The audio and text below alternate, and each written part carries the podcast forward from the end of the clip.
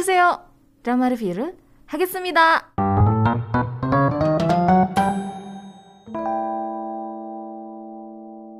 Oke, di segmen ini aku masih ngebahas soal um, movie kali ini.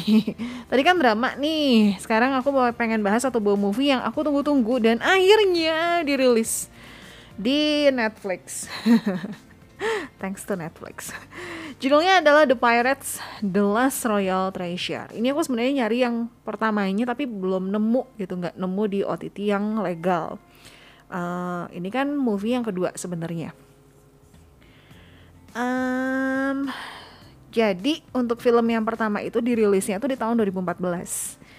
Terus uh, direkturnya itu bilang kenapa dia akhirnya membuat uh, season yang kedua atau terusan dari The Pirates ini karena dia suka banget sama movie yang bertemakan tentang petualangan gitu. Kayak seru aja dan dia pengen supaya anak cucunya itu juga bisa menikmati film petualangan karya dia gitu. Akhirnya dibuat lah siapa direkturnya adalah Kim Jung Hoon Kim Jung Hoon ini uh, sebelum The Pirates The Last Royal Treasure ini dia mendirect movie yang berjudul The Accidental Detective sama Petty Romance sekaligus jadi screenwriternya gitu. Terus untuk penulisnya, um, bentar, untuk yang pertama dulu ya, The Pirates yang pertama itu direkturnya beda. Kalau tadi kan yang kedua itu adalah Kim Jung Hoon. Nah kalau yang pertama itu adalah Lee Suk Hoon, jadi beda direkturnya. Tapi untuk penulisnya itu sama gitu. Penulisnya adalah Chung Sung Il. Kalau di Pirates yang pertama Chung Sung Il itu kerja sama bareng sama Isuk Hon, which is yang juga jadi direkturnya sama Choi Yi Yong. Sementara kalau misalnya di The Pirates yang kedua ini, The Last Royal Treasure, dia sendirian gitu. Um, selain The Pirates, di beliau ini pernah menulis untuk movie A Millionaire on the Run, Lady Daddy, My Girlfriend is an Agent, sama Once Upon a Time. Untuk drama, drama-dramanya itu drama-drama yang wow Uh, drama yang terakhir dia tulis ada All of Us Are Dead. Hmm. Terus dia nulis Luka The Beginning, The Package, terus uh, Seven Great Civil Servant, sama Fugitive, satu lagi The Slave Hunters. Jadi ya gak perlu diragukan lagi lah track recordnya. Produser untuk movie ini adalah Song Yong Woon. Release date-nya itu tanggal 26 Januari 2022 di bioskop-bioskop. Um, sementara kalau untuk di Netflix sendiri itu baru di tanggal 2 Maret. Jadi cukup cepet sebenarnya satu bulan lebih lah ya gitu langsung keluar. Seneng deh. Runtime-nya 125 menit aja.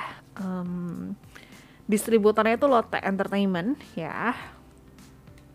Untuk pemeran-pemerannya nanti bakal aku uh, kasih tahu kita bahas dulu filmnya ya. Jadi sekali lagi ini merupakan film kedua dari The Pirates tahun 2014 yang pada saat itu juga menduduki peringkat kedua box office Korea Selatan setelah berhasil menjual 8,6 juta tiket. Nah, film 2014 itu dibintangin oleh Kim Nam Gil sama Son Ye Jin. Uh, alur ceritanya sedikit beda. Jadi kalau misalnya yang pertama itu nyeritain tentang sekelompok bajak laut yang harus memburu seekor paus yang nelen perangko kerajaan, ceritanya gitu. Nah, fun fact-nya si paus ini juga muncul di film yang kedua. Gitu. Aduh aku sebenarnya agak sedikit ah kenapa sih ada paus? Gitu. Terus tapi setelah mencari tahu oh biar ada benang merahnya kali ya gitu. Nah film yang kedua ini ya The Last uh, The Last Royal Treasure ini nyeritain kisah sekelompok bajak laut yang hidup di era dinasti Goryeo ceritanya jadi di, di dinasti Goryeo ini tuh punya harta karun kerajaan yang hilang tanpa jejak nggak tahu ke mana gitu ceritanya. Diceritain ada Wu Muchi yang diperanin sama Kang Hano. Dia seorang bandit. Padahal sebelumnya dia itu adalah tentara Goryeo gitu yang cukup uh, jago lah seni pedangnya gitu. Tapi ada reasonnya kenapa akhirnya dia jadi seorang bandit sama kawanannya. Nah, singkat cerita, Bandit dan kawanannya ini bergabung dengan kelompok bajak laut yang dipimpin sama Herang yang diperanin sama Han Hyojo. Nah, karena mereka berdua ini kan sama-sama leader nih. Uh, Muji kan uh, leader di gengnya bandit. Sementara Herang itu kan leader di bajak laut nih. Nah, jadi mereka tuh suka berselisih pendapat gitu. Dan si bawahan itu kayak, ayo ikutin aku, ikutin aku. Jadi kayak bingung gitu, harus ngikutin yang mana gitu. Mungkin karena sama-sama leader, sama-sama punya jiwa kepemimpinan gitu ya. Jadinya gitu, mereka suka suka banget berantem. Singkatnya, mereka itu sama-sama kerjasama buat nemuin harta karun. Tapi ya nggak semudah dibayangkan ya. Bukan cuma sekedar gali gali tanah terus ketemu gitu. Karena mereka ini kan di lautan ceritanya jadi mereka harus berhadapan dengan ancaman badai laut sama cuaca ekstrim di lautan dan benar-benar ekstrim banget, anginnya gede banget. Udah gitu mereka harus nyebur ke dalam laut dan nyeburnya pun bukan cuma berenang berenang berenang cantik itu nggak gitu loh, tapi bener-bener nyelam. Uh, terus mereka kalau misalnya sekarang gitu kita kan ada bantuan tabung oksigen. Nah kalau mereka itu nggak, jadi pakai cara alam gitu lah. Nonton aja caranya gimana itu, wow out of the box juga sih. Belum lagi mendengar kesulitan itu ada pasukan kerajaan yang juga mengejar harta karun. Dan ternyata sih pasukan kerajaan ini tuh kayak punya masa lalu bareng sama Muci gitu. Jadi kayak ada ada ininya lah, ada konfliknya tersendiri gitu. Film ini tayang di Korea itu tanggal 26 Januari kan dengan jumlah penonton lebih dari satu juta penonton gitu. Proses pembuatannya bisa dibilang cukup sulit ya. Kenapa? Karena kalau misalnya kamu nonton movie ini pasti langsung kebayang seberapa sulitnya gitu melibatkan proses uh, melibatkan produksi skala besar pastinya termasuk uh, set syuting yang sangat rumit. Pembuatan film di bawah air yang juga nggak gampang gitu ya. Dan juga CGI tingkat lanjut. Ini CGI-nya juga keren banget. Ya aku ngebayangin pasti susah sih untuk syuting syuting film ini tuh. Apalagi kan lagi di zaman pandemi COVID-19 ya. Pasti ada pembatasan juga kan. Nah itu yang bikin tambah sulit lagi gitu. Tapi overall movie ini nggak gitu berat malah uh, aku ngerasa ya lebih ke komedinya sih gitu. Lucu lucu lah gitu. Terus um, karena sebelum nonton ini nonton movie-nya gitu aku nonton dulu mereka di channelnya Napidi di gamenya si Napidi gitu. Itu lucu banget. Aku lagi berusaha untuk cari yang mereka lagi di House on Wheels katanya itu pun lucu gitu. Aku aku penasaran jadi pengen cari. Yang Napidi sih aku udah nonton yang House on Wheels aku belum nonton. Oke pemeran-pemeran yang pertama ada Kang Hanel berperan sebagai Humuchi di sini penampilannya beda banget. Karena rambut dia tuh dibikin agak-agak keriting-keriting gitulah. Uh, dia punya sisi kepemimpinan yang cukup bagus sebenarnya. Setia kawan juga. Uh, dia punya banyak taktik dan pintar sebenarnya. Orangnya tuh pintar banget. Dan uh, rela berkorban. Aku ngeliatnya kayak gitu. Tapi di balik itu dia punya sisi childishnya gitu. Nggak mau kalah gitu.